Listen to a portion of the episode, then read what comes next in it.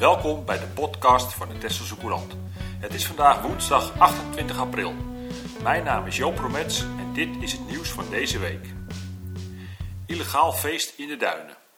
De politie heeft maandagavond een einde gemaakt aan een illegaal feestje in het duingebied tussen paal 15 en paal 17. De politie kwam het feestje op het spoor nadat een boa van Staatsbosbeheer een aantal opvallend geparkeerde fietsen had gezien. In de duinen werden vervolgens twee meisjes aangetroffen die onder invloed waren van alcohol. Verderop stond een partytent. Een deel van de feestgangers ging er vandoor. Vijf personen kregen een bekeuring. De bierblikjes, peuken en ander afval dat ze in de duinen hadden laten slingeren, werden door hen zelf opgeruimd. Volgens Staatsbosbeheer is de kans groot dat door het feestje vogels zijn verstoord. Het duingebied tussen paal 15 en 17 staat te boek als een zeer kwetsbaar broedgebied. Koninklijk onderscheiden. Bij de jaarlijkse lintjesregen hebben vier Tesselaars een koninklijke onderscheiding gekregen. Arie de Licht, Ger de Jong, Martin Betsema en Kees Bakker, alle vier maatschappelijk zeer betrokken, werden benoemd tot lid in de Orde van Oranje Nassau. De huldiging was afgelopen maandag in het gemeentehuis. Door de coronamaatregelen kon burgemeester Uithaag de lintjes niet zelf opspelden. Hij gaf ze daarom aan de echtgenotes van de gedecoreerden die deze eervolle klus vervolgens klaarden. Rondje Tessel opnieuw afgelast. Voor het tweede achtereenvolgende jaar gaat de ronde om Tessel niet door. De coronacrisis gooit opnieuw roet in het eten. De organisatie heeft onderzocht of het rondje op een alternatieve manier toch kan doorgaan, maar volgens voorzitter Jan Schouwstra en wedstrijdleider Menno Verkouteren is dat geen haalbare kaart. Met tientallen vrijwilligers, honderden deelnemers en duizenden toeschouwers is het evenement volgens hen simpelweg te groot. De 43ste editie van de Katamara-ronde staat nu gepland voor zaterdag 18 juni 2022. Geen verplaatsing van bedden. Een principeverzoek van de Krim om 32 toeristische slaapplaatsen van Hotel de Zeven Provincie in Oude Schild te verplaatsen naar bungalowpark Het Hoge Land aan de Californiëweg is door het college afgewezen.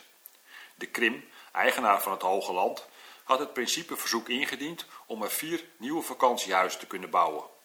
Dat zou moeten gebeuren op de plek waar tot voor kort de supermarkt van het Hoge Land was gevestigd. Het gebouw is sterk in verval. Ook voor de zeven provincies zou verplaatsing gunstig zijn. De deal zou geld opbrengen om te kunnen investeren in het pand aan de, de Ruiterstraat. Volgens het college vindt er met de verplaatsing geen duidelijke kwaliteitsverbetering plaats en wordt niet voldaan aan het idee van ontstening. Directeur Iwan Groothuis van de Krim reageert verbaasd. Volgens hem brengt de beoogde verplaatsing juist wel al deze voordelen met zich mee. Spitsuur op het elektriciteitsnetwerk. Een vakantiepark dat geen laadpalen voor auto's kan neerzetten.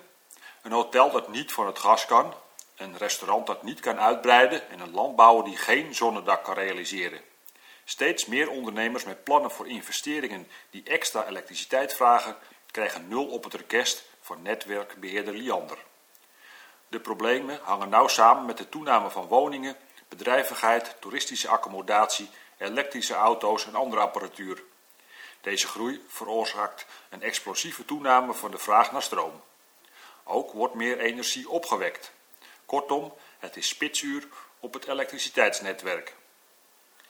In de Tesselse krant van afgelopen vrijdag, 23 april, een uitgebreid verhaal over de oorzaken en gevolgen van het overbelaste netwerk en wat Liander daaraan gaat doen. Dode dwergvindvis. Op de razende bol vond hulpstrandvonder Hans Eelman onlangs het kadaver van een jonge dwergvindvis. Het dier verkeerde in verregaande staat van ontbinding. Onderzoek door walviskenners Adrie Vonk en Jeroen Hoekendijk wees uit dat de wervelkolom van de walvis zwaar beschadigd was, vermoedelijk door een aanvaring met een schip. Het dier was 4,40 meter lang en moet dus nog jong zijn geweest. Of het een mannetje of vrouwtje was, kon niet meer worden achterhaald. Adrie Vonk heeft de schedel, een aantal wervels, de onderkaakhelften, het tongbeen en de botten van de flippers meegenomen voor zijn collectie.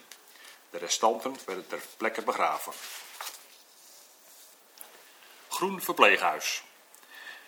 Het nieuwe verpleeghuis van Omring moet volledig duurzaam worden. Dat heeft regiomanager Katrijn van der Vlerk laten weten. Omring is al langer bezig met verduurzamen, maar op Texel willen we alle ingrediënten van duurzaamheid waar we tot nu toe ervaring mee hebben opgedaan, bij elkaar laten komen. Met deze nieuwbouw wil Omring een showcase op het gebied van duurzaamheid en gezondheid neerzetten, al dus van de Vlerk.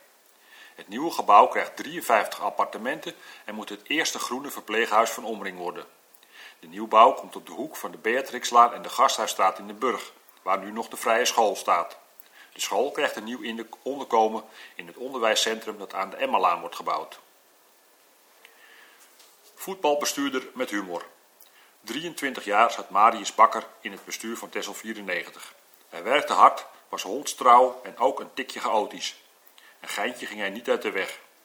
Humor zorgt voor ontspanning en minder druk, was zijn motto. Zo schopte hij medebestuurder Jan Heethuis bij binnenkomst even tegen zijn kunstbeen. Hij voelde het toch niet, grapte hij.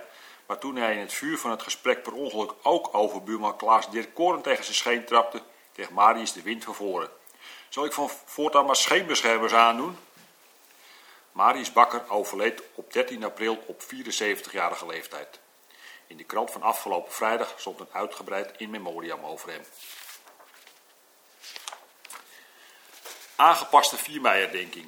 In kerkgebouw De Burgt wordt ter gelegenheid van de dodenherdenking dinsdag 4 mei een aangepaste dienst gehouden. In verband met corona is de dienst niet openbaar toegankelijk. Wel is de dienst rechtstreeks te volgen via Radio Tessel en Tessel kijken en luisteren. De dienst begint om half zeven en bestaat onder meer uit een lezing van Henk Spicht, die als kind in april en mei 1945 de Russenoorlog meemaakte. Ook op andere manieren wordt op 4 mei aandacht besteed aan de slachtoffers van de Tweede Wereldoorlog. Burgemeester Uithaag, Henk Spicht en vertegenwoordigers van het 4-5 mei-comité leggen krans op de algemene begraafplaats. Ook worden bloemen gelegd op de Georgische begraafplaats. Ook bij deze gebeurtenissen wordt geen publiek toegelaten. Professor De Jager wordt 100. Hij is een gezaghebbend wetenschapper en een sterrenkundige van wereldformaat. Hij werd overladen met prijzen, titels en ander eerbetoon. Hij inspireerde honderden studenten, populariseerde de sterrenkunde. Hij is emabel, diplomaat, schrijver en organisator van de ruimtevaartwetenschap. We hebben het over professor Dr. Kees de Jager, die morgen 100 jaar oud wordt. Kees de Jager werd op 29 april 1921 geboren op Texel. Hij is van een geslacht met een lange Tesselse geschiedenis. Op vijfjarige leeftijd vertrok hij met zijn ouders naar Indonesië, waar zijn vader Jan de Jager schoolhoofd werd op Celebes. Zijn moeder drukte Kees op het hart in het vervolg Nederlands te praten, in plaats van Tessels. In de Tesselse Courant van deze week blikken we terug op zijn rijke carrière. Die krant verschijnt donderdag. In verband met de viering van Koningsdag is er deze week één gecombineerde krant. De Tesselse Courant verschijnt twee keer per week en staat steeds boordevol nieuws, reportages en achtergronden. Neem ook een abonnement op de lokale krant van Tessel. Kijk op www.tesselsecourant.nl voor de mogelijkheden. Bellen kan natuurlijk ook.